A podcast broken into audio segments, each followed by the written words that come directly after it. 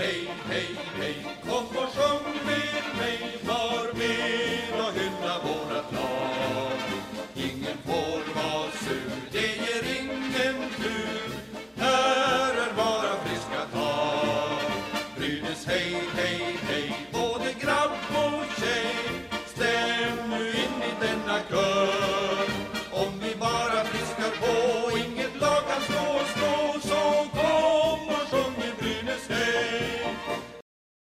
Varmt välkommen ska ni vara till ett nytt avsnitt av Brynäspodden. En vecka har gått och det har varit minst sagt en händelserik sådan för Brynäs del. Vi kommer såklart att gå in på det som har varit, men först så vill jag bara välkomna min poddkollega Fredrik Strömbom. Tack så mycket, tack tack. Hur är läget med dig? Ja, utifrån omständigheterna tycker jag det är bra. Personligt är det jättebra. Sen har jag en Brynäs-sida av mig som jag inte vet om den är lika bra. Mm. Nej, vi får väl kanske höra lite mer av den ikväll då. Mm. Eh, Men framförallt så vill jag också välkomna vår gäst, Brynäs kommunikationschef Kevin Johansson. Tack så mycket Viktor. Avgående där får du nästan lägga till. Ja, Ja, avgående, men eh, vi, vi, Sorgligt att uttrycka det men vi, vi låtsas som att det inte kommer ske. Det, jag lever i förnekelse här. Eh, ja, det är skönt. Jag med. Eh, men hur är läget med dig i dessa tider?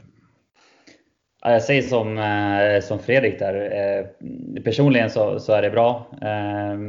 Jag har liksom lyckats klara mig undan att bli sjuk eh, den här situationen. Men lider med, med alla brynäsare över framförallt de två skadorna som nu hände senast. Så det, det känns verkligen tråkigt. Mm. Precis, vi kommer gå, komma in på allt det där eh, i den här podden. Men jag tänker i din roll, blir det, är du på plats i Gavlerinken höll jag på att säga, monitorn i ERP Arena, eller jobbar du hemifrån? Mm, stora delar av eh, kansliet slash kontoret har jag jobbat hemifrån under en, en längre tid och fortsätter att göra det eh, en bit in i januari också där. Eh, det kommer säkert bero mycket på vilka regeringsdirektiv eh, som kommer och så vidare. Eh, och sen för att sammanfatta lite kort i och med att jag nu slutar här i januari så, så blir det ju ännu mer att jag eh, i princip mest håller på med överlämningar och så vidare och, och banar väg för för Martin Löv Nyqvist då, som min kollega som kommer att ta över min roll. Så Mm. nu försöker jag bara att hjälpa honom så gott jag bara kan så att han kommer igång med liksom, kan plocka upp mina arbetsuppgifter och, och ehm, ja, underlätta för honom så mycket jag bara kan. Just det. Ja, du är ju liksom på väg bort. Det är ju lite en speciell situation kan jag tänka mig. Dels i de här tiderna som är, men också, det, är, ju- det vet väl alla som lämnar en arbetsplats att eh, det är ju en speciell situation ändå. Eh, och gå vidare. Ja, så är det. Det, det känns jättemärkligt. Eh, Det är någonting som har varit eh, för mig nu då en del av mitt liv i eh, snart tre år. Eh, Och precis som ni två, ni vet ju när, du, när det är ett hockeyintresse så är det ju inte liksom, eh, det är inte någonting man lever med under några timmar på en dag utan det är ju en livsstil. Så att verka inom hockeyn, åtminstone mitt sätt att se på det, är inte ett jobb utan det är en, en livsstil. Och då blir det väldigt påtagligt eh, när Mm. man ska göra en, eh, en förändring. Eh, och därför blev jag väldigt glad när ni ställde frågan. För då kanske det ger mig en liten möjlighet att eh, få rikta ett, ett tack till, eh, till människor och, och brynäsare i det här forumet. Så att det, eh, vilket jag väldigt gärna gör. Absolut. Eh, och vi kommer gå in på ditt arbete och mer sånt där sen. Eh, men jag tänker så här, vi inleder först med att prata lite kring det sportsliga som har varit. Det har ju spelats några matcher sedan förra avsnittet. Eh, och det var ju bland annat en vinst mot Djurgården, den har man nästan glömt bort höll jag på att säga. Eh, och sen så har vi också förlust mot Luleå med 4-1 och förlust mot Skellefteå i lördags eh, med 4-5.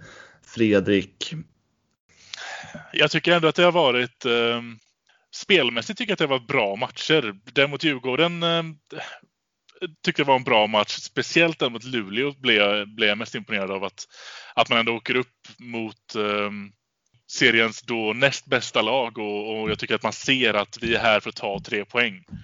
Sen blev det inte riktigt så som vi ville, men jag tyckte det var en bra match och, och verkligen bra kämpat. Eh, sen verkar det bli en trend här att alla våra matcher mot Skellefteå är ju ett test för hjärtat alltså. Det är så mycket fram och tillbaka att jag vet inte om jag klarar av en till match. Kevin då, i din situation, hur, så, hur ser du på det? Jag kände ju, om man tar ytterligare några matcher tillbaka där, så, så kändes det verkligen positivt. Eh, som att eh, många bitar började falla på plats. Eh, jag skulle nästan vilja starta det vid eh, eh rekryteringarna. Det, favoritord jag har i hockey. Jag vet förra gången jag var med, så jag, jag, mitt hockeyengagemang, intresse styrs väldigt mycket av liksom, rekryteringar och basen kring det. Så i alla fall när Brynäs rekryterar eh, Chad Billings och Shane Harper. Eh, så om man, om man tar det som någon form av startskott därifrån. Så de två kom in, eh, höjde eh, lägstanivån, tillförde en stabilitet. Mitt sätt att se på det. Eh, och föreningen började ta mer poäng. Eh, och liksom var någonstans på G. Jag kände att Eh, systemet började växla ut mer också. Så det, och vi såg ju det poängsnittet. Liksom. Om det var 0,89-0,88 poäng de första 18 matcherna så, så var ju de kommande 8 matcherna eh, betydligt bättre. Så eh, klubben lyfte liksom i, eh, i tabellen sett till poängsnittstabellen. Det är väl den tabellen jag tycker är, eh, är intressant att, att diskutera. Jag, förstår, jag förstår ju när man tittar på tabellen och ser att, det, eh, att laget ligger förankrat i botten, att det är irriterande. Liksom så. Men det blir ju ändå när det jämnar ut sig så blir det ju på poängsnittet. Liksom. Eh, så att, ja, det har varit en liten passus där, men, men så jag kände att där var det positivt och på G. Eh, sen Luleå-förlusten, inte mycket ord om. Eh, som Fredrik är inne på, jag tycker att många delar av den matchen är bra. Håller Luleå på utsidan eh, stora stunder. Eh, Ersson jättebra i kassen. Eh, sen så är det liksom ett av ligans just nu absolut bästa lag. Det finns liksom ingen skam i att förlora mot Luleå på det sättet. Liksom. Även om såklart alla hade velat eh, att ha en seger. Och sen Skellefteå-matchen är ju vilda västern. Ehm, och ja, resultatet där blir någonstans eh, sekundärt sett till vad som händer också. Ja, jag kan nästan bara instämma i kören på er. Jag tyckte det kändes där, särskilt efter eh, segern mot Djurgården där och eh, ja, vad ska man säga, fram till tredje perioden mot Luleå ändå så tyckte jag att det kändes som att det här, det, var, det är någonting på gång med Brynäs. Ehm, jag tyckte att eh, det, precis som vi pratade om förra veckan egentligen, det här med att det är en helt annan inställning och man tycker att man ser mer tydligare system i spelet på något vis. Och, och jag vet, jag satt ju liksom någonstans med känslan att det här laget kommer att lösa uppgiften. Eh, det kommer vara, det här kommer liksom, de kommer greja det här i, läng, i, i det långa loppet. Eh, sen var det olyckligt där med, eller olyckligt ska jag väl säga, klantigt eh, med Shane Harpers avstängning. Eh, och eh, Skellefteå-matchen vill jag nästan inte prata om, eller på, men eh, den var rörig. Jag tycker det var två lag med mycket vilja, men det var också många, många individuella misstag som gjordes. Eh, och för Brynäs del så var det väldigt kostsamt med skador, eh, både på Rödin och Greg Scott och Emil Molin tror jag va, om jag inte missminner mig, efter matchen. Eh, så ja, det är lite annan, det är lite en annan stämning nu än vad det var inför matchen mot Skellefteå. Jag håller med dig Fredrik. Det är, det är någonting med Brynäs och Skellefteå för det blir alltid sådana här matcher. Ja. Det, det är, liksom... kvitteringar och det är, alla får leda lite under matchen och så ska man alltid kvittera och så ja. Det var frågan vem som håller ut längst i tredje nästan. Ja, men det är så röriga matcher. Alltså, det var ingen vacker hockey. Om man får säga så. Det var ju liksom inte det här, det var ju inte spelmässigt en bra match kan jag tycka. Eh, det var väldigt många individuella misstag som gjordes, både från Brynäs och Skellefteås sida. Eh, och så tycker jag det nästan har varit varenda gång de här lagen har mötts, i alla fall den här säsongen. Mm. Så ja, nej, jag vet inte. Man, det är lite blandade känslor eh, kring det här. Men både Anton Rudin och Greg Scott är skadade. Jag tror att totalt sett är det sex spelare borta va? Ja, det stämmer. Det är det som kommunicerades ut i, igår kväll va? Precis, och då är det Emil Molin är skadad. Eh, John Persson är långtidsskadad. Ja, har jag missat någon nu? Och Shane Harper är borta på grund av avstängning då. Mm. Bertilsson är borta också. Och Bertilsson, ja just det. Och så har ni Asklöv som är, eh, men han har ju varit borta hela, ja, hela säsongen då. Just det. Eh, så det, det, är ju en stor lista. Hur går tankarna kring det här Fredrik?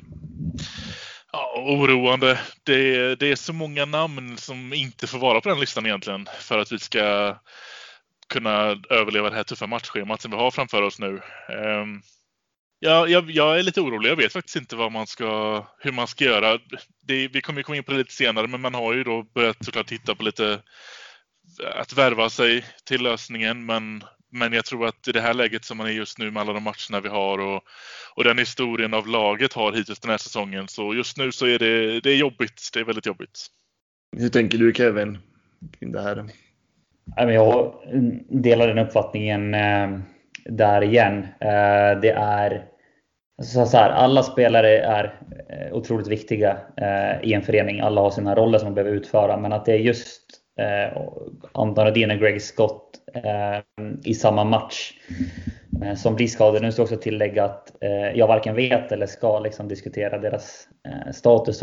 Utan det, är ju, det som vi har att tillgå är det som var officiellt från, eh, från föreningen igår. Alltså liksom. Men uppenbarligen så, så ser ju alla vad som har, vad som har skett. Så då. Och att det är ju två otroligt bra spelare. Alltså sen, eh, sen jag fick chansen att kom in i Brynäs så är det här då två av de spelarna som jag är absolut mest imponerad av. Eh, jag brukar alltid säga till alla mina polare och sådär att Jesu Bokvist liksom, det, otrolig, vilken otrolig hockeyspelare. Så, och, och Rudin och Scott är på samma nivå. Liksom. De är dessutom olika som spelartyper. Alltså Scott, där har vi den här eh, tvåvägscentern liksom, som är otroligt bra i, i, liksom, i hans roll, alltså centerrollen. Så. Och Rudin är också fantastiskt bra i, i, i alla zoner, liksom, men, men också så enormt spetsig liksom, i, i eh, de delarna. Så det är två spelare som du trollar inte fram. Du ser inte två, sådana spelare särskilt ofta i, i SHL, inte i något lag. Eh, det är få lag förunnat att ha. Varje lag har väl en eller två sådana, men, och här är, blir båda i Brynäs skadade samtidigt. Det, Eh, en tuff situation för föreningen att hantera och återigen där lider liksom med, eh, med spelarna själva. Jag tänker att båda två startade säsongen skadade. Eh, Greg har hunnit med en till eh, under tiden. Alltså Anton har gjort två operationer och nu kommer det igen. Så. Och dessutom då så är det ju det sportsliga en sak, men jag tror också att de här två spelarna betyder ruskigt mycket för den här truppen mentalt. Så det blir också en utmaning att hantera. Eh, men för att sy ihop det också så, eh, för att ändå gjuta lite mod i det här. Eh, alla som jobbar inom ishockey är väl medvetna om att skador på nyckelspelare är en del av branschen. Det händer. Väldigt, väldigt tråkigt och olyckligt men de som jobbar med de här frågorna i föreningen är ju tillsatta för att arbeta med det här och kunna lösa sådana här situationer. Därmed inte sagt att man ersätter den rakt av, det förstår alla att det är svårt. Men Eh, eh, x antal personer i Brynäs IFs organisation arbetar ju här och nu med att hantera det här såklart. Ja men precis. Eh, och ja, jag kan ju bara hålla med det ni säger. Det är ju jag tänker när, när Anton Rudin föll där på Skellefteå, alltså man såg ju hur ont han hade. Och jag, jag satt ju där, man, det, det tror jag nog att alla Brynäs nästan gjorde, att hur kommer det här bli när adrenalinet försvinner och liksom man börjar känna efter och liksom hur skadad är han egentligen? Han fortsatte ju spela ändå. Ja. Eh, och gjorde ju liksom, och jag tänker att eh, det, det visar någonstans på jäkla vilja och krigare han är, Anton Rudin. Men jag tänker inte bara som spelare, både med Greg Scott och Rudin, det är ju också, det är också individerna i laget. Det är, ändå, det är ändå två ledarfigurer vi pratar om som försvinner just nu. Eh, både på isen men också sidan om isen. Eh, och Greg Scott, den är ju en eh, tackling jag inte ens... Eh, ja, jag vet inte. Jag tycker... Han vart ju avstängd där, Darren Novix, eh, för tredje gången på en månad. Och jag, jag, jag, håller, jag, jag, håller lite med Peter Andersson där på presskonferensen att eh, ja, man kan ju sätta ett plus ett ibland. Eh, samtidigt så jag vet att den första känslan var ju verkligen att eh, Greg Scotts säsong är över och i princip så är den ju det för att vad jag förstår så de här veckorna som han förväntas vara borta så är det ju också det är ju i princip hela säsongen och lika med Anton Rundin. Ja, jag tror att vi som jag sa innan, eh, jag vet faktiskt inte ens eh, status ska, ska tilläggas. Det vet jag verkligen inte och det är 110% ärligt. Men jag tror att vi... Men var inte Rudin på 10 veckor eller vad det var? Har det kommunicerats ut? I sådana fall ja, det, var någon, det, det, var någon som eh, skrev det i alla fall. okay. Någon mediekanal. Nu kan jag tyvärr inte eh, ange källan, för jag kommer inte ihåg källan. Men det var någon journalist som sa det i alla fall. Eh, och då är ju det säsongen ut i princip. Men det kanske inte stämmer. Vill vi låta det vara osagt? Då? Ja, men jag, jag tänker så att vänta in föreningens officiella kommunikation i det här innan man liksom, jag förstår att det, det är klart det kommer ut saker och, eh, och man spekulerar, man tittar på tv-bilder och så vidare liksom. Men innan man eh, räknar ut det helt så, så vänta in det. det eh, best case scenario så kanske det inte är så att säsongen är över. Liksom så. Eh, det är ändå, om man ska titta på det så är det ju halva grundserien är kvar för Brynäs IF. Det är ju 27 av 52 grundseriematcher spelade. Så det är fortfarande många matcher kvar, även om jag vet att de ska spelas på en kort tid. Men... Ja, vi håller hoppet uppe i alla fall. Ja, men exakt. Innan den liksom är eh, vad ska man säga, innan det är hamrat i sten i alla fall. Mm. Eh, men Brynäs har ju ändå agerat eh, redan. Och man har ju tagit in, eh, nu ska vi se om jag kan uttala det, Ola Palve. Mm. Eh, som är från Linköping då den här säsongen. Spelade ska vi se, 31 omgångar, 12 poäng. Eh, fick lämna Linköping och eh, ska vad jag förstår vara direkt spelbar nu när han kommer till Brynäs. Inga krusiduller. Det blir match redan eh, idag mot Örebro. Precis. vad tänker du kring det här då Fredrik? Eh, ja, det är en center. Det är ju definitivt något vi behöver. 12 poäng på 31 matcher kanske inte säger jättemycket när det handlar om att han kommer från Linköping, tänker jag.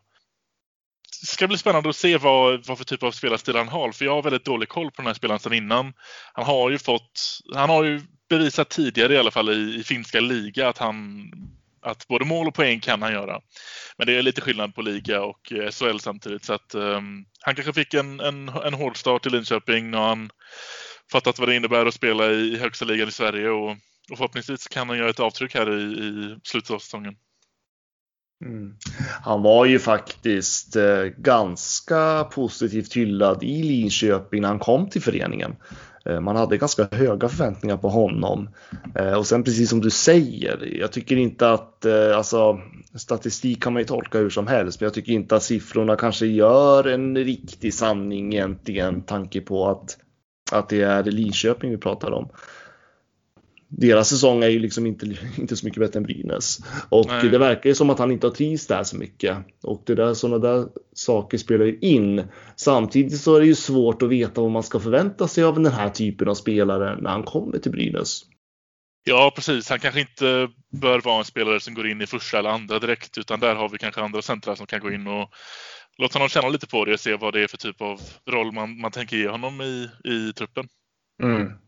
Ja, det är liksom, han är ju ingen naturlig målskytt på det sättet. Man är ju jäkligt duktig, skicklig, vad ska man säga, playmaker. Mm. Uh, och jag tänker att ja, det är en center och Brynäs behöver center. Så att... Ja, det känns bra hittills. Ja, nej men uh, absolut, ge han en chans. Eller vad säger du Kevin? Uh, väldigt svårt för mig att, att, ha en åsikt där. Det är ju Mikael Sundlövs uh, arbete så jag vill, varken, vill inte in och recensera det på Eh, på något sätt alls. Eh, det enda jag kan konstatera om vi liksom så om, eh, om det skulle, alltså att Emil Molin då har en dag-till-dag status. Skulle han missa typ imorgon sådär och, och Anton är borta så är det ju hela höger, högerkanten i PP1 som inte eh, lirar då. Eh, och, eh, så Palve har ju PP-händer. Eh, Eh, kan han ta en roll direkt där liksom så, eh, så är det positivt såklart. Eh, men, men i övrigt så lämnar jag det där arbetet till, till Sundlöv. Vi förstår det. Tyvärr, får man säga så? Mm. alltså, förstå mig rätt. Jag fattar ju att när man lyssnar på det här så är det där ett fruktansvärt astråkigt svar. och jag det tror jag sa till er senast jag var med i podden, jag har jobbat 12 år som hockeyreporter i media där mitt verkligen sista 4-5 åren var ju rakt av att analysera, bedöma och syna spelare och värvningar både i hockey och, och fotboll. Eh, så det är någonting som jag, som jag brinner enormt för. Så det är klart att jag har precis som ni, jag har hundra tankar och åsikter. Varav om de stämmer eller inte, det har man ingen aning om. Eh, men jag försöker förhålla mig professionellt till, eh, till mitt uppdrag i, i Brynäs. Jag tror att eh, jag tror Sundberg skulle vara vansinnig på mig om jag satt och, eh, och pratade om hans, hans yrke och, och det hade varit konstigt om han skulle sitta och, och prata om de sakerna jag har gjort också. Så att, Eh, så, så är det absolut.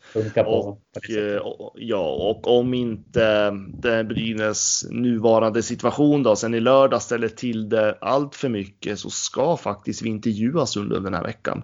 Mm. Eh, så att vi får spara de frågorna till dess. Om man har tid nu då, för att nu har det ju hänt lite saker i Brynäs så att det, det, vi får se. Helt enkelt. Men jag tänker att de, vi tar med oss de frågorna till Sundöv istället. Det tycker jag låter... Så får du Kevin svara på andra frågor. Eh, så håller vi oss till eran, era roller, roller i föreningen.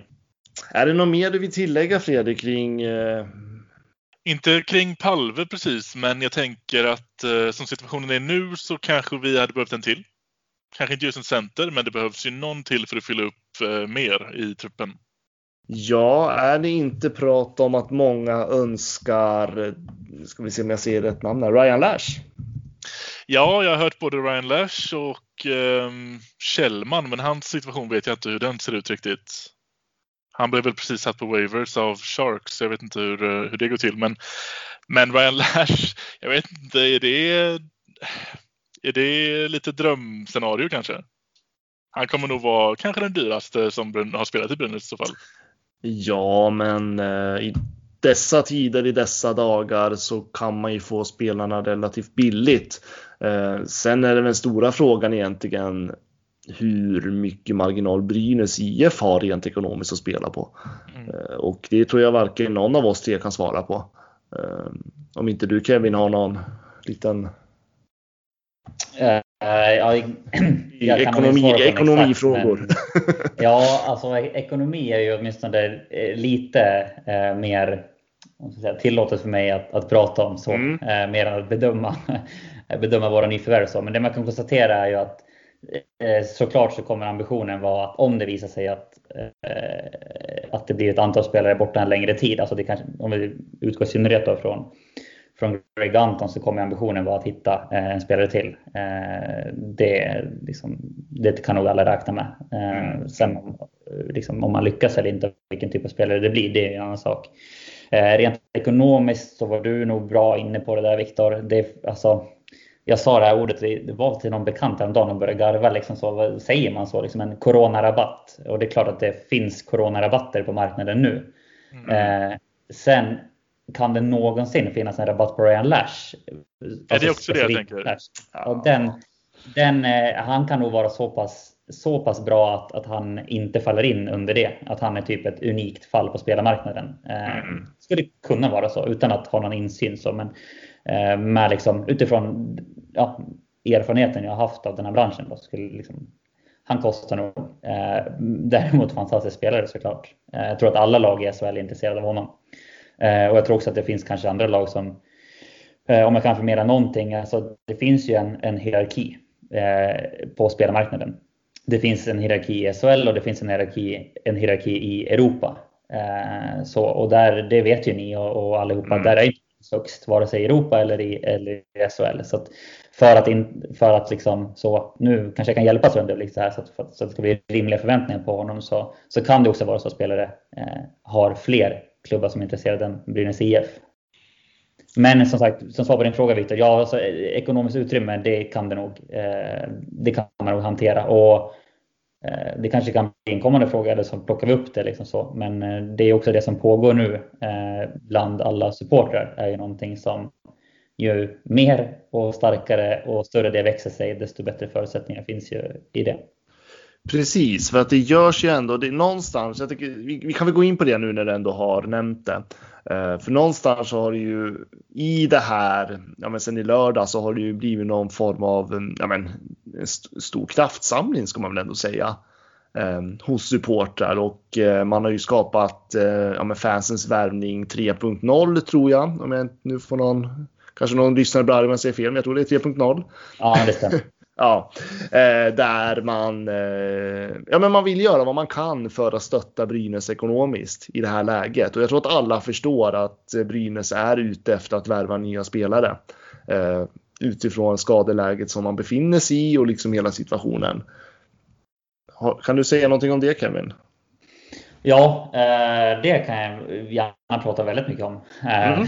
Där, får ni, där får ni väl bromsa mig eller hoppa in när ni, när ni vill in. Men, eh, Eh, om, vi börjar med att säga så här. Eh, vi eh, surrade lite kort om det innan vi startade inspelningen nu, men häftigt att se i den liksom väldigt, väldigt tråkiga och mörka stund som blev med liksom två skador på sådana profilerade spelare så var det ändå som att det blev sekundärt att det blev en förlust mot Skellefteå. Det var som att varenda brynäsare på varenda, liksom, eh, i varenda forum bara slöt samman liksom, och kände att nu är liksom klubben, eh, nu är det klubben det gäller. Eh, alltså verkligen föreningens existens och, och tillvaro i SHL som, som det handlar om.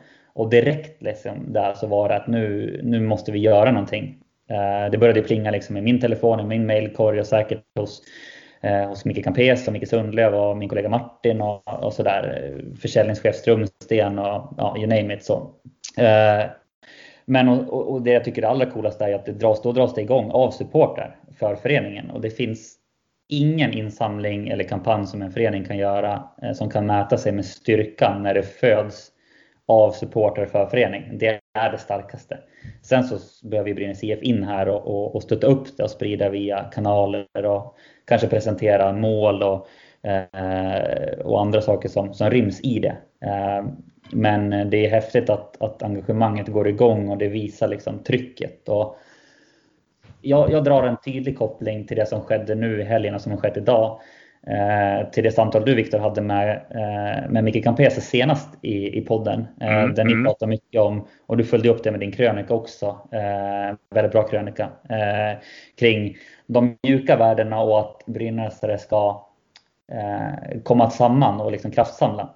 Och det var ju otroligt intressant, liksom hela det samtalet ni hade där. Jag kände att det fanns liksom någonting man kunde bygga på och det kanske, kanske jag får chansen att göra nu då. Och det är ju att när man då har kraftsamlat och liksom man får sluta samman alla till att tro på Brynäs IF så behöver man ju konvertera det eller få det att leda till någonting. Eh, och det är det vi ser nu. Eh, kan man liksom få en sån kraftsamling att leda till, eh, i det här fallet då en, en ekonomisk utveckling eller att man skapar en ekonomisk kraft så genererar det förutsättningar för föreningen. En annan sak hade kunnat vara att komma samman, att man skulle skapa ett ruskigt tryck i arenan. Liksom. Eh, mm, man kan mm. samman på olika sätt. Eh, men i slutändan vill du att det ska faktiskt, alla de här mjuka värdena ska också leda någon, någonstans. Och nu ser vi ju, ser vi det. I det här läget kan man se att Eh, positivt att, att privatpartner finns som en möjlighet. Positivt att publikfigurer finns som en möjlighet. Positivt att fansens värvning finns. Att Swish finns. Att man kan, liksom, eh, man kan välja sätt. Eh, och sen kan man känna när vi sitter här och pratar nu eh, måndag kväll så kan man känna att nästa steg är kanske att kanalisera det här på något sätt. Så att man riktar, eh, riktar all den här kraften mot ett specifikt mål så, eh, och en specifik väg. men så häftigt att det har startat på det här sättet och så brett. Liksom. Ja, för jag tänker man, man går tillbaka till sommaren 2020 när man gjorde en sån här för där la ju ni fram en tydlig, eller Brynäs la ju fram en tydlig, de här spelarna vill vi ha. Eh, och det gjordes ju en gedigen insamling från fansen, eh, bland annat. Och då var, var det ju en känsla att vi behöver de här spelarna för att kunna skapa ett slagkraftigt lag. Eh, nu står man ju någonstans att vi måste göra vad vi kan för att Brynäs IF ska liksom klara den här säsongen så bra som möjligt. Eh, mm. Och jag, jag håller med dig i det du säger. Det blir en, alltså jag tänker även som, eh, nu höll jag på att säga åskådare, men som eh, en person som, ja men följer man den här insamlingen. Det blir otroligt mäktigt när det kommer från supportrar och man ser hur det sprids på något vis. Eh, det blir liksom, det blir inte pliktskyldigt utan man gör det från hjärtat på något vis. Eh, och det är vackert att se. Ja, du får den här, den här folkrörelsegrejen och det här genuina så som du aldrig kan skapa liksom från alltså att, att en förening. Det är verkligen den här, jag vet inte vilket ord man ska sätta bäst på det, men det är den här eh, den här genuina grogrunds grejen som, som skapas. Och, och ja, det, mig veterligen finns det ingen större kraft inom idrotten. Mm. Ja, men det är ju liksom, om man hårdrar jag sa det till er senast också, sådär att vilka finns, alltså Brynäs IF, vilka finns Brynäs IF till för? Eh, om man ska checka, det finns ju definitivt inte till för eh, för eh, oss som, som arbetar på kansliet. Utan det är som jag sa till er senast, att alla som jobbar på kansliet är ju verktyg för att skapa saker för de som Brynäs IF finns till för. Och det är ju medlemmar, supportrar eh, och alla som på något vis blir en del av gemenskapen kring, eh, kring Brynäs IF. Och det här visar ju, tycker jag, bara för att understryka det, här visar ju det igen. Att det är ju människor i alla håll och kanter av, av Sverige och kanske andra länder så också som liksom visar att det är gemenskapen Brynäs IF som, som ska eh, hantera eh, det här. Ja men precis, och det är väl det, är väl det här klassiska citatet som man säger att eh, klubben är större än individen på något vis. Liksom. Ja, utan tvekan. Att det är liksom, det är något större i det på något vis. Eh, man kan vara, man kan vara besviken på folk som jobbar inom föreningar och, och, och, och på ett eller annat sätt. Men Brynäs IF kommer ju alltid vara Brynäs IF. Ja, och det, är det, det är det alla här vill. Det är det man märker i samtals, på samtalsklimatet. Att det är det alla nu sluter upp för. Nu handlar det inte om en specifik spelare eller en specifik person eller vad som helst. Nu handlar det ju verkligen om Brynäs IF. Sen, sen specifikt då att hålla Brynäs IF kvar i, i SHL, det är ju drivkraften och motivatorn i, i, i den här situationen. Så, men det handlar ju i synnerhet och i, om, du, om man zoomar ut situationen så handlar det om Brynäs IF. Eh, så rakt av. Ja, ja men så är det ju absolut. Och jag, jag funderar mycket på det där. Nu, nu får ni absolut säga emot mig på något vis. Men jag tror det skapar också mycket där för att någonstans tidigare år när det har gått sportsligt mot, motigt så kan man dels så har det varit vissa ja, men Swish-kampanjer tidigare genom åren och så eh, i olika skalor. Eh, men det har ju också varit det här att ja, men nu går vi till arenan och pushar dem. Nu går vi, nu går vi tillsammans och sluter upp och går. Det funkar ju inte idag. Eh, det blir ju någonstans att man sitter i sin soffa och liksom det blir och gör ingen nytta, höll jag på att säga jag tror att det här är en väldigt bra sätt att känna att jag gör vad jag kan för att hjälpa mitt Brynäs IF. Ja, det har ju blivit lite det. det. Det är det enda alternativet vi har kvar just nu egentligen. Vi kan inte gå till arenan och, och, och skrika och tjoa och simma så mycket som vi kan. För att det är inte, det är inte ett alternativ. Och, och det vi kan göra från hemifrån soffan, det är att plocka upp mobilen och dra en switch istället. Ja, och det är liksom någonstans har vi väl kommit så långt i, i den delen av samhället nu och den delen av idrotten att det har diskuterats så pass mycket att alla är ganska väl medvetna om vad det handlar om nu. Det är ju att ställa sig frågan eh, hur viktigt är det här för mig och vad har jag möjlighet att bidra med? Eh, och jag tycker ju att i det här läget så, så blir jag ju väldigt liksom starkt känslomässigt investerad i solidariteten i det här. Eh, att alla vi människor har olika ekonomiska förutsättningar. Och det spelar egentligen ingen roll här därför att det handlar om att man, som jag sa, ställer sig frågan till mig själv. Hur viktigt är det här för mig? Vad kan jag bidra med? Och oavsett vad storleken är på den summan, för det handlar om helt andra saker. Men så kan man gå in med det som är liksom rimligt för en själv. Och man blir en lika viktig del av helheten oavsett egentligen storleken på den summan. Därför att om alla, om alla brynäsare gör sitt med den summan man kan så kommer det också spegla av sig över liksom alla olika säga, delar av samhället, så alla som har olika ekonomiska möjligheter. Och då kommer det att bli eh, en stor och bra helhet eh, i slutändan ändå. Är ni med på, mm. ja, på det? Absolut. Mm. Och jag tänker det är väl därför det är bra att det finns den här möjligheten med både, om jag tänker med, om vi ska prata privatpartners då. Eh, just det att det finns ju det här bronsalternativet och silveralternativet och guld. Eh, att det finns de här olika stadierna. Eh, så kan man mm. utgå från sin egen situation också. Eller om man bara vill swisha en slant. Eh, att den möjligheten också finns. Det är ju, som alla säger, det är ju många bäckar små. Ja, i det här läget blir det ju så. För det, det är klart att det kan, det kan eh, komma en, en svinrik individ eh, vid något tillfälle i någon förening. Så. Eh, men det är ju, blir väldigt Eh, det, det, finns ingen direkt hållbarhet i det, för det räcker att den personen surnar ur och ledsnar ur och inte vill vara med längre. Då står du där på noll.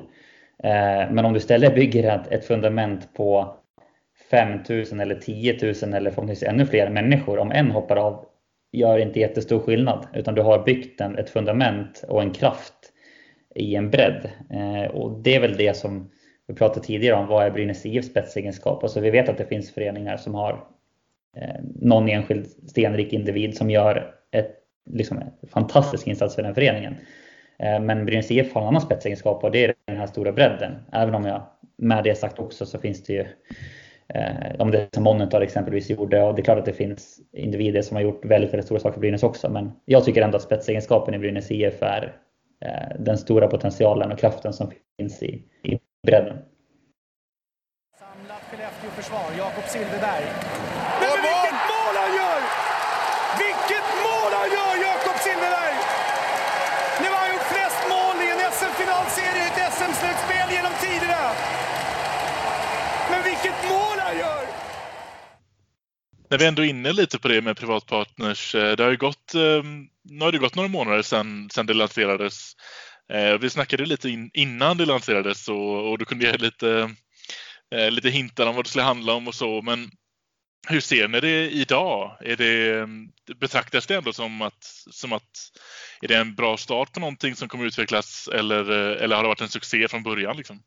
Kul att du ställer frågan, för jag vill passa på här också och vara del i en, en del självkritik. Så, eh, bland annat någonting som du berört Viktor med eh, kring medlemskap så, som har varit jätteviktigt och som också visar det här av att man när man sitter på ett kansli att man inte får vara rädd eh, för att saker synas och att det liksom lyfts liksom både ris och ros.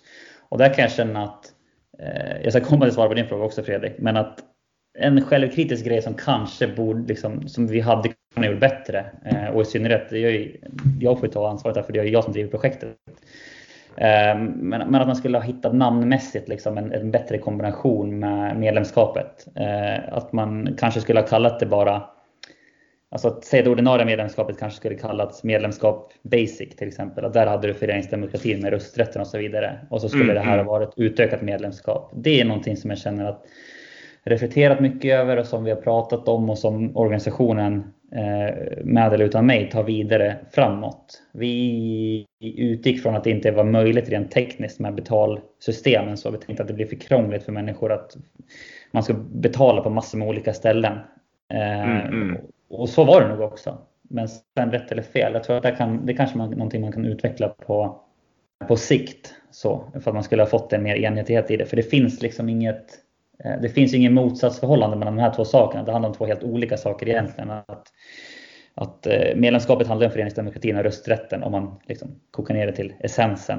Eh, medan privatpartner handlar om att, att liksom främst också om man kokar ner till essensen att, att stötta föreningen ekonomiskt men att också sen få ett visst informationsflöde. Liksom så. Och det informationsflödet hade ju kunnat vara lika enkelt att baka ihop med, med informationsflödet till medlemmar. Så det var ena delen. Men svar på din fråga Fredrik. Ja, alltså det har varit, absolut varit lyckat från start. Alltså jag tycker att det, vad ska man säga, om man ska rubriksätta det. Är det succé? Är det, alltså om 1 till 5 då? 5 av 5, är det det? Nej, men det, då tycker jag att jag skulle liksom sitta och, och vi skulle sitta och, och överdriva lite kanske. Men är det 4 av 5? Ja, det kan jag tycka. Det är ju, det var 1200 aktiva inför den här helgen och sen nu efter det som har hänt så har det eh, har vi precis, tror jag, passerat 1300 så det har blivit 100 nya här då, under de här liksom, ja, 48-72 timmarna. Eh, och det betyder ju på 130 aktiva, eller 1300 aktiva, eh, så är det ju 130 000 kronor in varje månad. Eh, ta det gånger 10, 1,3 miljoner och sen addera på eh, 260 000 till då, så ja, en och en halv miljon lite drygt eh, på ett årssnitt. Eh, vilket är då ett av föreningens eh, sju största partnerskap. Så ja, egentligen är det ni som ska svara på det om ni tycker att det är, att det är bra eller, eller inte. Men det är en stark ekonomisk kraft. Människor har fått en möjlighet att vara med om man liksom, som du Fredrik kanske bor någon annanstans, inte kan betala lösbiljetter till varje match. Här finns det en möjlighet. Sen vill jag verkligen att det är ni som ska bedöma om det har blivit bra eller inte. Men ekonomiskt är det mycket bra. Eh, men det krävs mer för att jag ska säga att det är succé. Mm. Ja, alltså man har ju hört mycket positivt. alltså, det är ju, alltså reaktioner man har fått är ju mycket positivt ändå. Jag tror de här smsen privatmarknads får är ju väldigt uppskattade och de här eh, möjligheterna att ha en dialog med, ja, om det nu är klubbdirektör eller sportchef och så vidare. Så, eh, alltså det enda det jag ser i privatpartner det är att det finns ju otroligt mycket potential att utvecklas för framtiden också. Eh, sen har inte jag något konkret förslag på det, men utan att just det här att det finns ju potential att göra det bättre hela tiden. Eh, men det ställer ju också väldigt höga krav på framförallt er i kommunikationsteamet tänker jag. Ja, så blir det ju. Eh, och jag, för det första håller jag med dig utan tvekan. Alltså, det finns lätt 50 grejer jag skulle kunna dra här nu som skulle kunna bli bättre. Eh, Eh, utan tvekan. Men det är oftast kopplade till, till en kostnadsfråga. Det är ju om det till exempel ska handla om att skapa mer innehåll så är det ju en person som ska göra det. Mm. Och nu slutar jag, Martin tar över mina arbetsuppgifter. Eh, han som har gjort mycket av det operativa. Liksom så. Nu ska han liksom kanske få mer att göra innan dess att Brynäs kan fundera om han ska... För klart, ersätter han eh, Eh, mig så behöver ju någon ersätta honom om man nu ska vara alltså allt annat lika. Eh, så där behöver Brynäs bestämma en väg till, till hur man ska gå. Eh, så att just innehållsbiten är ju är mycket kopplat till ekonomiska förutsättningar och då blir det också nästa fråga att man ska ställa sig är för det påverkar ju nettot så. Alltså om det netto ger, som jag sa nu då, en, säg en och en halv miljon per år, nuvarande snitt. Anställer man en person till, då kanske det är en, ja vad kan det vara, 500-600 000. Eh, och, som då försvinner från nettot, för nu går ju alla pengar rakt in i klubbkassan. Liksom så. Mm. Väldigt, väldigt få utgifter kopplade till det. Eh, det är väl liksom, de här, det kostar en viss summa, 20 öre typ, att skicka de smsen. Så då måste man ställa sådana frågor också. Eh, Okej, okay, tror man att, säg att man investerar 500 000 i personalkostnader, kan man då göra så att de 500 000 blir 600 000 tillbaka eller förhoppningsvis ännu mer, ja då, är det ju, då ska man ju göra det. Så, att så där måste man, precis som man värderar en spelarvärvning, så, så måste man värdera eh, det. Eh, men det viktigaste och skönaste känner jag att, att vi som har jobbat med det här, att vi har åtminstone tagit fram en möjlighet till att vara med och stötta föreningen ekonomiskt. Sen kan man alltid värdera hur mycket man får tillbaka, men det vi alla kan vara överens om är att om du är mer intresserad av att ge än att få någonting tillbaka så har du en möjlighet idag att ge eh, kontinuerligt över tid eh, tillsammans med tusentals faktiskt då eh, redan nu andra. Mm. Ja men så är det ju absolut. Eh, nej men det är, det är ju Alltså spontant kan jag bara, om jag bara spekulerar fritt här, det känns ju som att det är en liten, eh, det är lite svår balansgång det där på något vis. Eh, och nu, alltså nu om man, om man ska prata kommunikationsteamet bakom det här. Uh, för det är precis som du säger, för att jag tror att, jag tror alltså någonstans så tänk, tror jag väl att de flesta går in som privatpartner för att stötta föreningen. Mm. Helhjärtat.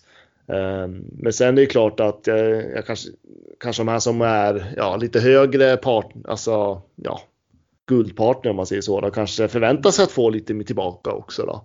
När man ändå spott, spottar ut några hundralappar i månaden.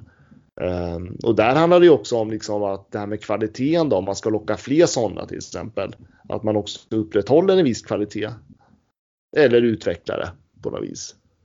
Ja, verkligen. Och det är ju där man som, som individ får gå till sig själv och, och ta beslutet. Liksom att är jag nöjd, eh, då kör man vidare. Eh, är man missnöjd, ja, men då hoppar man av. Och det är väl det som är det sköna. Att i, i den här eh, betalningsmodellen, vilket inte går med, med betalningslösningen för medlemskap, för där måste du betala på helår. Eh, mm. Utan här, eh, här betalar du per månad och är du missnöjd så kliver du bara av och det är inget mer med det. Så, förutom att det såklart inte bidrar till att utveckla föreningen ekonomiskt, men, men ändå, man har ändå den möjligheten. Och där kan inte ingen av oss kan ha en värdering, utan för det är upp till varje individuell människa som på sitt subjektiva sätt att värdera situationen om man ska vara med eller och om kvaliteten är tillräckligt bra. Det enda man kan göra från föreningshåll är att, är att göra sitt bästa varje dag för att kvaliteten ska vara bra. Men man kan heller inte trolla med, med resurser som inte finns. Från ingenstans Leif, det går inte! Han gör mål!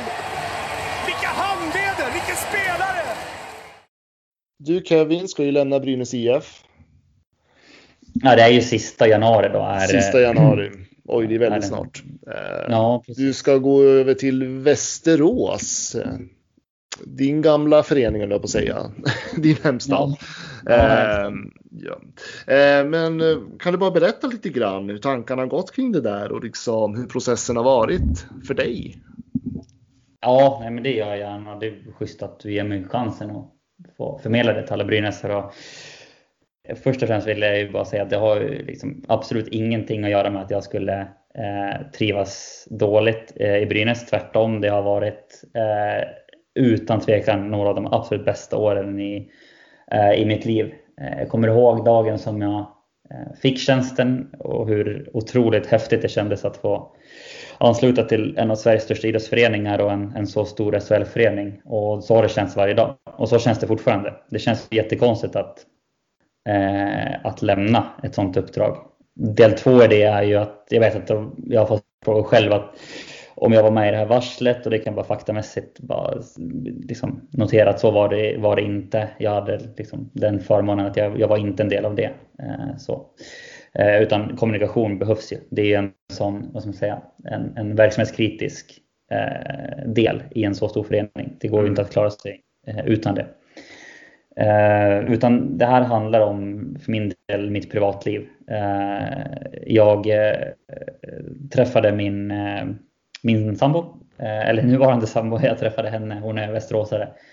Eh, och ja, det blev ju väldigt bra för oss tillsammans då. Eh, och vi har båda våra familjer här i Västerås och vi har väl förhoppningar om att skaffa en egen familj. Eh, så då, ja, för allt som ingår i det så är det ju, tänker bara saker som få hjälp med barnvakt och, och så vidare och allt vad det nu kan innebära. Eh, så blev det att basen skulle vara här i, eh, i Västerås och då eh, är det långt att sitta och åka. Det är 15 mil dörr till dörr.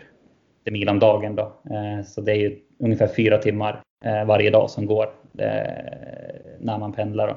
Eh, så, så där så, så blev det väldigt tydligt att, att ur ett privatlivsperspektiv så, så var det ett val som, som skulle eh, vara bra för min liksom, lilla familj då, eller vad jag ska, eh, vad ska kalla det.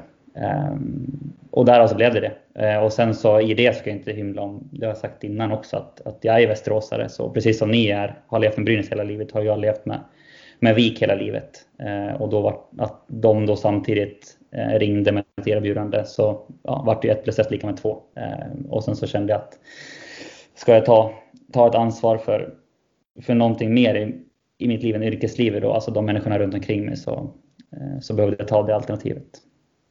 Och vad är det, vad är det för uppdrag du ska göra i Västerås?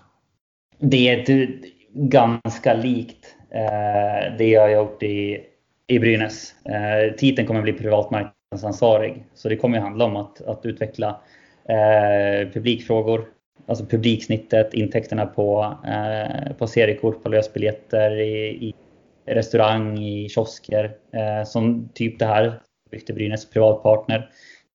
Sen liksom, eh, går det att göra en sån lösning där. Eh, så den typen, av, den typen av frågor. Och sen så såklart att vara vara den organisationen behjälplig med, med alla saker som jag har plockat upp och, eh, och byggt på mig i, i Brynäs IF. Och det är ju Eh, såklart det är en, en förening som är i, i Hockeyallsvenskan och siktar på att, att komma dit eh, där Brynäs är. Sen så, och komma eh, en status med 13 SM-guld, det, det, ni förstår, det är inte, inte så, men att komma till, till SHL helt enkelt. Så att, förhoppningsvis kan jag ta med mig saker härifrån och bidra där. Om jag ställer frågan så här, det är precis som du säger, du är uppväxt eh, med Vik, eh, Västerås. Eh, Eh, bilden du hade av Brynäs IF när du började i Brynäs IF och bilden du har av föreningen idag, hur har den förändrats? Om jag byter ord från förändrats till förstärkts mm. så sammanfattar det nog ganska bra. Som jag sa, min bild var ju Eh, stor, mäktig, anrik eh, SHL-förening. Så. Eh, alltid varit i högsta ligan, alltid varit bra, haft fantastiska spelare. Eh, stort supporterintresse, eh, liksom ett, ett jättefölje, både i Gävle men utanför också. Och det är ju precis det som, som jag känner nu också. Det är ju, eh, jag hoppas att ni förstår det. Det är för alla som får chansen att jobba i Brynäs, så det är en, en jäkla ära. Liksom. Det är många av oss som gör det, eh, som säger det och det säger man ju av en anledning för att det helt enkelt stämmer. Eh, att få jobba med någonting som så många människor engageras av eh, och är intresserade av och som är viktigt för så många människor, det, är ju, det, det går ju inte att önska sig eh, något annat. Eh, så det har bara förstärkts. Eh, sen såklart att det, att det har gått dåligt sportsligt. Ja, det går heller inte att, eller ja, dåligt sportsligt herrmässigt i alla fall. Det går inte att sticka under stolen med. Och det är väl det som jag tycker är allra tråkigast i det här. Jag hade ju hoppats, Eh, jag hade tänkt vara i Brynäs IF en längre tid. Eh, men jag hade verkligen hoppats att få vara i Brynäs IF när, eh, när SHL-verksamheten var framgångsrik och få uppleva det som när ni tänker tillbaka till 2012 till exempel, eh, på läktarna där. Liksom. Det är någonting som jag kommer gräma mig eh, över resten av livet. Men å andra sidan så tänker jag ju vara en besökare eh, som alla andra är redan den dagen det, det sker. Och sen vill jag gärna flika in också att jag är än mer imponerad av alla partners som finns. Eh, alltså det, jag tror jag sa det förra gången också, att, att alla brynäsare ska vara otroligt glada över att det finns så många företag och partners som investerar de pengarna som sker, eller som de gör i Brynäs IF. Det är eh, alltså i en stad med 100 000 invånare. Eh, det är så unikt och det är så häftigt. Och det är verkligen inte någonting man kan ta för givet. Det är väldigt, väldigt få städer och idrottsföreningar förunnat eh, att ha ett sådant investeringstryck i sig. Och det gäller också alla, alla e-supporter och privatpersoner som, som konsumerar biljetter och så vidare. Liksom. Men ekonomin i Brynäs att den är så stark. Det är väl det som, eh, som än mer har förstärkt. Det ska jag erkänna, jag hade inte alls jättebra koll på bakgrunden till en bra start eller till Unicef-partnerskapet och så vidare. Så det är också så självklart saker som, eh, som har förstärkts för mig. Men det tror jag, där tror jag att jag kan personifiera mig med många Brynäs generellt. Att är man inte en del av, av organisationen så, så har man kanske inte haft den här riktigt utbildningsmöjligheten eh, kring de sakerna. Och det är också någonting som Brynäs har gjort otroligt bra. Och i det, om man vill också väva in det, den, den damverksamheten som nu har byggts upp, är, är samma sak där, att, att ha fått följa den. Det är inte heller alla föreningar som, Eh, som har det. Det är många föreningar som överhuvudtaget än, fortfarande bara är i startgroparna. Det finns ju till och med SHL-föreningar som inte har ett, eh, ett damlag idag. Så där har Brynäs också kommer väldigt långt och, och eh, är, en, är en väldigt, väldigt bra förebild för många andra föreningar i dels i Sverige, men jag skulle också faktiskt vilja hårdra det till utan liksom att sväva i idrottssverige. Jag tror många tittar på jag tror många tittar på Brynäs IF med damsatsningen. Ehm, så. Jo men så är det absolut och eh, just damlaget är ju något som verkligen har utvecklats eh, på senare år. Eh, det är ju ja, i princip din tid och framåt ska jag väl säga, helt ärligt. Ja, det, var, det är verkligen, det har inga, absolut ingenting med mig att göra. Nej, nej, nej, nej men det kom ju samtidigt. Alltså det... Så, så var det var verkligen då när jag började, några månader innan jag började så började den här vändningen där våren 20, 2018. Så där har jag verkligen fått se resan från botten till toppen. Minns du liksom hur eh, snacket gick runt damhockeyn då när du kom som ny eller var det liksom pang på bara? Ja, nej, jag, eh, jag ska säga att jag minns det ganska väl. Jag, var ju, jag hade ju varit på anställningsintervjuer då, så att, eh, jag var ju liksom inkopplad och var med i samtal och, och sådär redan, eh, redan där och då. Och jag tycker att eh, hela den resan, det är ju en podd i sig, så, men den resan eh, visar och symboliserar hur snabbt det kan gå när majoriteten av besluten som fattas är eh, bra Eh, och har ett gott utfall. Eh, det är många personer som har fattat väldigt många bra beslut eh, under den här resans gång. Exempelvis eh, Johan Carling i att eh, skapa ekonomiska förutsättningar. Eh, Erika Gram i att förvalta de här ekonomiska förutsättningarna. Där kan man ju titta på. Där har ni verkligen två personer som har fattat väldigt många bra beslut som har lett till att Brynäs har gått från Eh, ja, var en ganska trött sjunde plats min första säsong till att idag vara en seriös guldkandidat. Liksom. Det sker ju inte av en slump, eh, utan det sker ju av att människor, som jag sa, fattar många bra, fler bra än dåliga beslut. Och så är det ju. Det är ju det, är ju det där man hoppas på att det ska hända med SHL-laget också. Eh, givetvis. Eh, för just Brynäs damlag, de ligger just nu på en andra plats. De har spelat 29 omgångar, 73 poäng. Det är alltså tre poäng efter Luleå. Eh, så det går ju otroligt bra för dem i år. Ja, och det är ju... Där är vi tillbaka, liksom. jag ska inte svära för mycket, men säg att du får en säck med x antal kronor och sen så blir det uppdraget att du ska rekrytera så mycket kvalitet som bara möjligt för de kronorna. När du har gjort det sen så ska du bygga en grupp eh, som ska förädla och utveckla och maximera liksom, de förutsättningarna så gott som möjligt. Och här kan man bara titta på det i, i alla stegen och se att det har skett väldigt, väldigt många bra saker i alla stegen.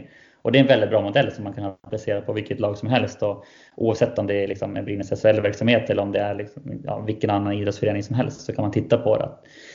Kan man få till alla de stegen, och det är ju det som Brynäs IF jobbar för, att få till Eh, i herrverksamheten också. Då, eh, då, du byter bara ut, alltså du lägger bara till egentligen fler nollor på beloppen. Det är ingen skillnad. Varje verksamhet är proportionell till sin, till sin egen eh, tillvaro. Så. Eh, och då har du en modell som skapar framgång. Därmed inte sagt att det är lätt att utföra. Det är det ju inte. Det är det jag menar. Det är här, här som exempelvis Erika har gjort, eh, gjort det så fantastiskt bra som har eh, lockat Stalder, Mirasova eh, med flera till, till föreningen och sen där de eh, alla tillsammans sen också har byggt, en kemi och en, en grupp där man eh, gör bra saker ihop. Ja men precis och det känns ju verkligen som att det är ju ett stort eh, vad ska man säga, självförtroende i Brynäs damlag just nu. Jag har sett organisationer runt damlaget också. Eh, det är ju väldigt tydligt där. Det känns lugnt och det känns liksom strukturerat på något vis. Ehm, och eh, ja, men bland annat nu, vi måste väl ändå nämna det att man har ju ändå värvat in den här finska målvakten. Nu vet jag inte om jag kan uttala det på rätt sätt. Evelina Sumpe. Just för att stärka inför sluts, kommande slutspel också. Eh, så det finns ju en helt annan eh, trygghet där kanske än vad det gör i SHL i dagsläget. Ja, alltså det visar ju du klarade inne på det, framgång föder framgång. Eh, när man haft en sån här positiv resa då från att vara liksom sjua, eh, sjua av tio lag, liksom väldigt, väldigt långt ifrån att utmana, eh, till att på bara två säsonger senare vara en, en SM-guldkandidat som också Eh, visar det i, i resultatmässigt. Eh, då får du ju ett, ett, ett självförtroende och en pondus i, i det du gör. Och sen så visar det här återigen att Erika nu rekryterar en, eh, en mål, ytterligare målvakt. Eh, visar att, att kravbilden och, och, det som föreningen går för är ju att, att utmana här hela vägen. Eh, om, eh, om Erika tillsammans med tränarstaben har identifierat att det finns en, en uppsida att förstärka målvaktsposten eh, och sen då sker då det. Eh, återigen, liksom, vi, ingen av oss vet vad utfallet blir, men, men man har gjort jobbet och identifierat att här vill vi skapa ytterligare förutsättningar och då går man för det. Eh, så det, ja, jag tror att vi kan se fram emot ett, eh, ett långt och framgångsrikt slutspel. Mm. Det känns ju extra bara. Hon um, fick ju vara med på en intervju med Wikegård tror jag väl det var i tisdagsmatchen mot Djurgården här senast. Där de fick förklara lite hur Brynäs damsidan och, och, så ser ut. Och jag tycker mig ändå alltid kunna se att, att det är en, det är en, liksom en självförtroende och beslutsamhet när, eh, när Erika får prata om, om hur damsidan ser ut och hur framgångarna ser ut. Det, det känns jäkla bra att höra henne prata om det för det, det, det känns som att vi är, att vi är fortfarande på väg uppåt. Ja, det är kul att du säger det. Alltså jag, nu är jag jobbar med, Erika började samtidigt som jag. Vi båda började där våren, sommaren 2018. Och jag är väldigt, väldigt imponerad av henne, jag är väldigt stolt över henne och den, eh, den resa hon har gjort. Och så förmedlar gärna det till alla, alla som lyssnar på det här att, eh, att hon har gjort, hon har krigat eh, otroligt hårt eh, i många frågor och verkligen gjort någonting från grunden. Och, och, jag kan lova att det har varit slitsamma dagar för henne. Eh, sådär. Och hon har, eh, hon har liksom vägrat att ge sig i, i många frågor och bara, bara, bara gått för utveckling. Eh, med ett väldigt, väldigt stort engagemang som inte har att göra med liksom alls hennes prestationer som spelare. Utan det här är bara liksom, eh, insatser man har gjort i, i sportcheffrågorna och i utvecklingen av flick och damverksamheten. Och, Eh, en otroligt kompetent medarbetare i Brynäs IF som, eh, eh, som både jag och många värderar, värderar väldigt, väldigt högt. Det är en, en otroligt lyckad värvning av organisationen Brynäs IF. Både som spelare men jag skulle säga nästan eh, ännu mer som i det yrket hon, hon gör eh, på kontoret. Och det är liksom, och det tycker man man märker och jag tror att många förstår också hennes betydelse i det här arbetet som har gjorts. Så det är liksom, man har ju hört bara positivt sedan dag ett hon började i föreningen i princip. Eh, det finns ju liksom ingenting att klaga på. Eh, och just det här och det jag gillar runt damlaget och det, tyck, och det tycker jag både jag tycker man hör hos eh, ja, men huvudtränaren Henrik Glas och Erika Gram just det här att man ligger på andra plats. Man förbereder sig inför ett långt slutspel. Eh, man kan vinna sina matcher med flera mål ändå, men ändå så är man ju, man är aldrig nöjd på något vis. Man vill ändå tycker man att vi kan bli bättre, vi ska bli bättre, vi ska utveckla det här. Alltså det där attityden hela tiden på något vis. Mm. Det är någonting som jag blir väldigt imponerad av när man pratar just damlaget inom Brynäs IF just nu. Ja, det kan bara instämma. Eh, det är verkligen en... Eh, den mentaliteten finns och den mentaliteten finns självklart på samma sätt i, i herrlaget också. Eh, bara det att, att resultatmässigt så, så har damerna kommit längre. Eh, men det är en, en mentalitet som, eh, som genomsyrar föreningen. Eh, och det är en sak som gör att det är så roligt att, att verka i, i en idrottsförening och i det här fallet synnerhet Brynäs IF så att du kommer inte, det är ingen som kommer till jobbet och är nöjd liksom. Utan man vill, man vill alltid bli bättre. Och det gäller på alla avdelningar. Det spelar ingen roll om det är marknad som har dragit in X antal kronor det året så vill man dra in fler kronor nästa år. Det är en tävlingsmiljö där. Ur ett väldigt positivt perspektiv. Det måste ju nästan vara nästan svårast för damerna att, att hålla igång den tävlingsmiljön tänker jag i och med att man kan komma från en man kan komma från en bortaturné med två, tre matcher där man har spikat igen helt och, och pangat in dubbelsiffrigt varje match. Och så kommer man hem och vi har 15-0 eh, i målskillnad på de senaste tre matcherna här. Men man vill ändå bli bättre. Mm. Ja, jag vet inte hur många gånger som jag, även Stalde jobbar ju också på, på kontoret. Eh, jag vet inte hur många gånger jag pratar med, med henne och Erika liksom så att de när de har vunnit en så här stor seger eh, och de säger liksom ja, det var saker som var bra men det fanns också mycket som kunde bli bättre. Så att de är inte de är inte alltid jätteresultatinriktade utan de verkligen tittar mer på detaljer och prestation. Liksom. Och det är väl också därför som de är så bra. Mm, mm. Precis. Ja, men det är det. Och det är det, är det där som lyser fram på ett helt annat sätt. Jag tänker på herrlaget, SHL-laget. Det är klart att det är, det är svårt när man, när, det, när man stöter på motgång också. Det är svårt att visa den sidan då tänker jag. För det är klart att det, det förstår ju alla att man jobbar hela tiden för att bli mycket bättre hela tiden. Och ja, men Peter Andersson och hans tränarstab ser ju alltid vad man jobbar vidare med och så vidare och så vidare. Men jag tror att det är svårt utifrån där man ligger positionerad just nu så är det svårt att signalera ut just det där äh, tänket på något vis. Äh, mer än att vi behöver bli bättre för att vi ligger där vi ligger. Äh, om ni förstår vad jag menar. Precis. Ja, självklart. Absolut. Men allvarligt talat Leif Boork, du håller på med hockey i 600 år. Hur skjuter karln? Hur skjuter han? Han skjuter väldigt bra, han skjuter väldigt hårt, han skjuter väldigt pricksäkert. Är det något mer vi ska, som du vill fråga Fredrik? Nej, jag tror att vi har gått igenom allting faktiskt. Mm. Du då Kevin, är det någonting som du tycker vi ska ta upp? Alltså jag, det finns ju hur mycket som helst att prata om. Liksom, och, Eh, men det är väl superbra att ni har eh, planerat med, med Sundle sen för att det är ju han mycket mer än jag som ska prata om de sportsliga bitarna. Liksom. Så att, men det tycker ni ska grilla honom där om eh, hans tankar och, och strategi och, och, dyka in än mer på, på det här ändå positiva trenden som man ändå kanske då uppfattade spelmässigt. Liksom så att det kändes ändå som att, eh, att Peter-systemet började ta sig. Eh, jag tycker han har han har en sån där fras som jag kommer bära med mig resten av mitt hockeyintresserade liv. Eh, att man ska, man ska utveckla en verksamhet där man blir ett systemlag och inte ett slumplag. Eh, sen, vad innebär det? Ja, det, det får ni, det, ska vi, det ska vi fråga honom Sundlös. Det tar ett tag att, att, att utveckla, men liksom det är en sån grej man kan, man kan bära med sig.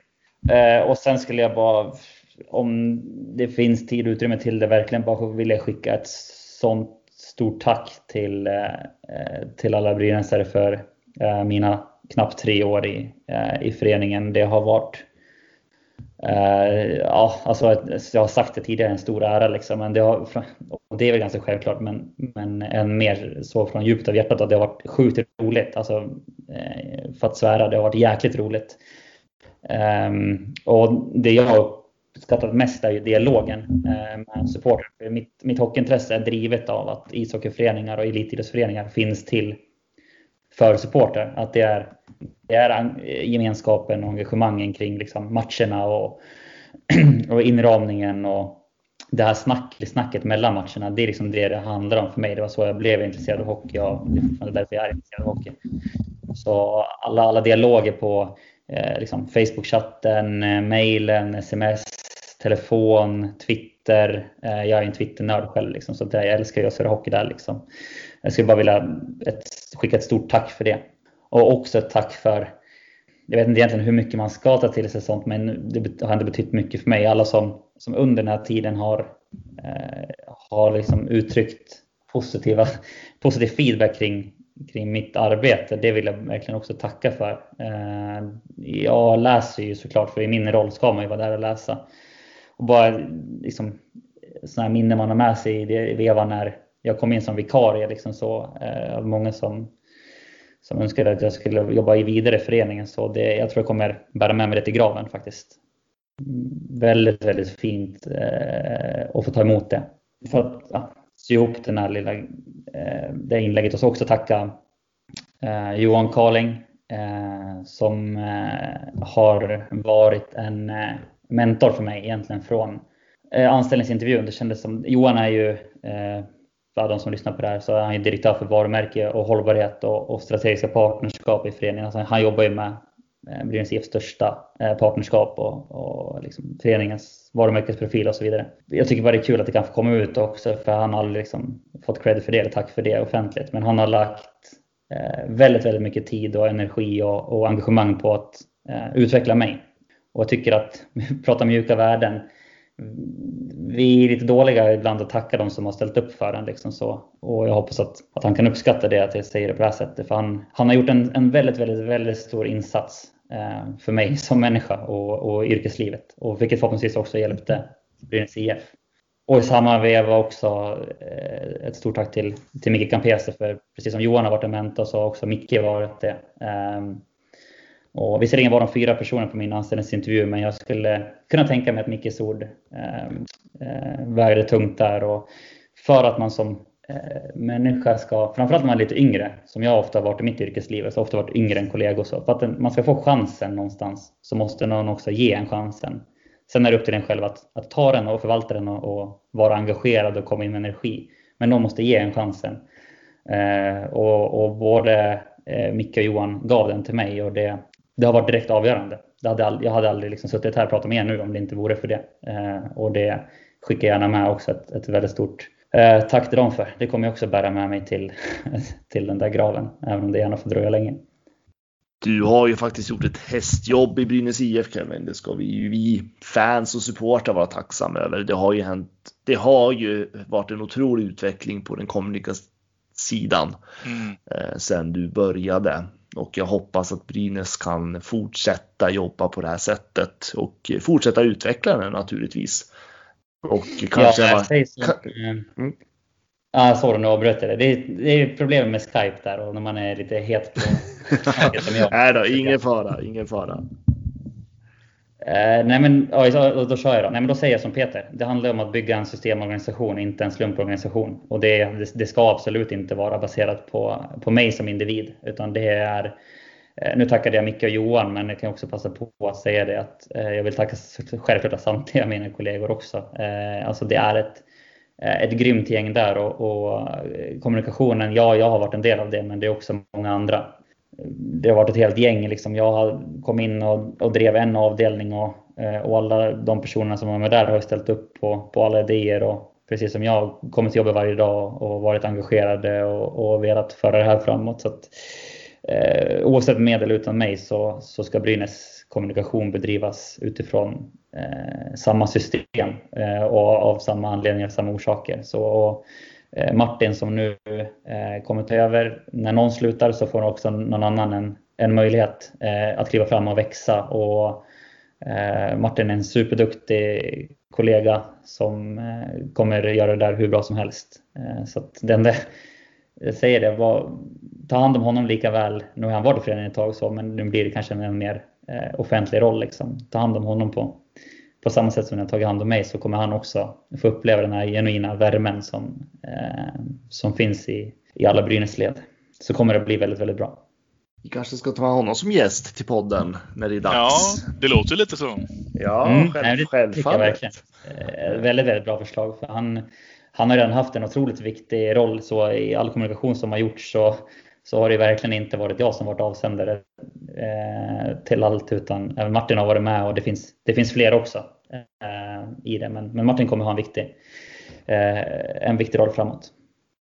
Mm, det ska bli spännande att följa honom. Eh, man har ju bara sett honom i kommunikatörsroll så att säga. Eh, med intervjuer och skrift eh, för det mesta. Eh, Så att äh, men det ska bli roligt att se. Och framförallt ska det bli roligt att följa just den kommunikativa utvecklingen i Brynäs IF eh, kommande år. Man får ju hoppas att den här pandemin släpper så att man någonstans kan starta upp allt som vanligt igen. Blomma som- ut på riktigt. Ja, men det, det, det känns som att man bara går och väntar nu på att det här ska vara över så att både menar, alla, alla, både ekonomiska krafter och sociala krafter kan liksom komma samman igen och bygga upp den här föreningen på nytt, Mm. höll jag på att säga. Eh, Så att, eh, ja, jag ser fram emot framtiden på det sättet och sen så behöver ju den sportsliga på här sidan såklart bli utvecklas naturligtvis. Men innan vi avrundar helt så tänkte jag ändå säga att det är ju några tuffa matcher den här veckan. Eh, Örebro idag när vi släpper den här podden. Och jag ser att det är den 19 januari. Då ställer jag frågan till dig Kevin. Vet du vad 19 januari är för dag i Brynäs IF? Oh, Viktor, den där är avsluta med den också. Alltså, den är riktigt svar, taskig. Alltså, svarar, det- du rätt, svarar du rätt på den här då, då betalar jag ditt hus höll jag på att säga. Alltså jag kan säga att den 19 januari, det är min farsas födelsedag. Liksom. Det är Aha. så jag med. För det är, nämligen, det är nämligen Brynäs IFs otursdag. Den 19 januari. Ja, du kommer få utveckla det här. För det är som jag sagt Ja. när, när det kommer till datum, historia och sådär, då, då är alltså, där, du är en storstjärna där. Du, du sopar banan med, med hela kansliet utan tvekan, det lovar jag. nej, nej, nej, det, det, det, om man säger så här då, den, eh, bara för att ta några exempel. Den 19 januari 2015 då sparkades huvudtränaren Tommy Jonsson.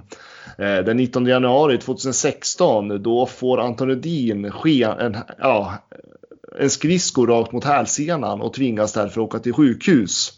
Och eh, apropå att vi möter Örebro denna 19 januari. För 19 januari 2017 då är det faktiskt en historisk förlust mot Örebro.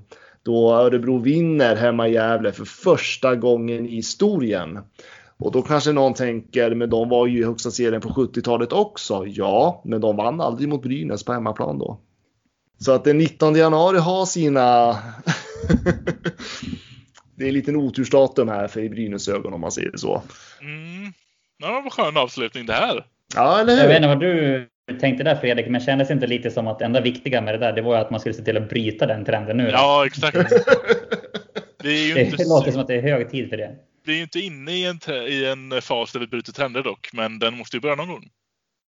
Exakt. Ja, men så är det absolut, eh, tänker jag. Så att det är bara, det är bara att köra på. Eh, någon gång ska det brytas. Så måste det vara, utan tvekan. Eh, ja, men eh, ska vi runda av den här podden så vill väl jag ändå säga ett stort tack till dig Kevin för allt du har gjort för Brynäs IF. Eh, jag fick ju ändå äran att följa med på nära håll där i början.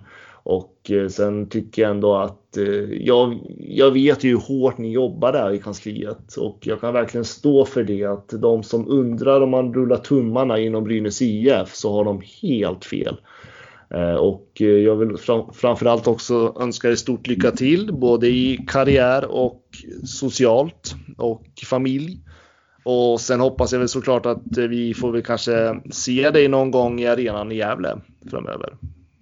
Ja, jag hoppas eh, för första tack, stort tack för det. Eh, och sen jag hoppas verkligen att, att jag kan komma och vara eh, en, eh, en besökare precis som er som, som hoppas eh, i alla matcher som Brynäs spelar förutom eventuellt någon som i en eventuell framtid eh, är mot, mot någon arbetsgivare jag har då. Men att hoppas på en seger för Brynäs liksom, och att vi kan ses och prata hockey precis på samma sätt som vi har gjort när jag har, har varit i föreningen. Liksom. För det har man en gång varit en del av Brynäs IF så Eh, klyscha eller inte, men du kommer liksom inte sluta bry dig om Brynäs IF. Det, det går inte. Det är helt omöjligt.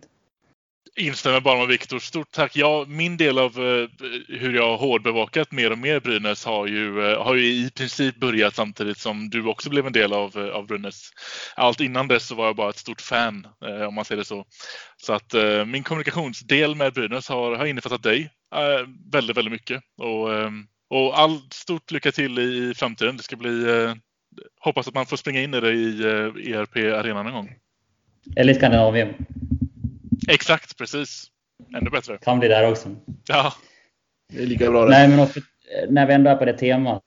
Eh, jag sa det tidigare att supportinsamlingar, alltså, eller ja, ekonomiska insamlingar, att det genererar störst kraft när det kommer från supportrar. Eh, samma sak gäller ju det vi diskuterar, eller det forumet vi är i nu, poddar också.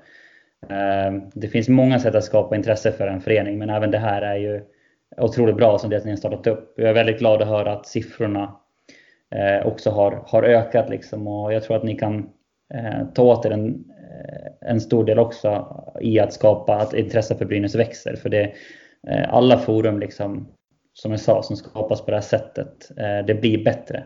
Eh, visst, vi har startat en, en, officiell podd i organisationen också, men det handlar mer om att bära ut liksom, här, om, om det är några jätte, jätte elementära faktagrejer. Liksom så. Men det, det ni gör är ju det som eh, är av supporter för supporter. Och samma sak där, det är starkast. Så hoppas att ni eh, orkar fortsätta. För ideella krafter är ju så eh, liksom sällsynta idag. Eh, och någonting som, som är få förunnat. Så jag hoppas att ni orkar fortsätta en lång tid framöver. Vi ska göra vårt bästa, helt mm, klart. Absolut. Eh, men jag avslutar med samma fråga som jag ställde till Campese förra veckan, Kevin. Så du ska svara helhjärtat på. Vinner damlaget SM-guld 2021? Utan tvekan. Spelar Brynäs IF herrlag i SHL 2021, alltså hösten 2021? Utan tvekan. Bra, då tackar vi för det visst var det mål? För de, de ringer ja, på ja, nu, ja, men visst var den inne? Det, det, har ju repriserna i någon mening visat. Va? Men de ska ringa för säkerhets skull. Här kommer Sören Persson ut och dömer mål, ja. Då är det bekräftat.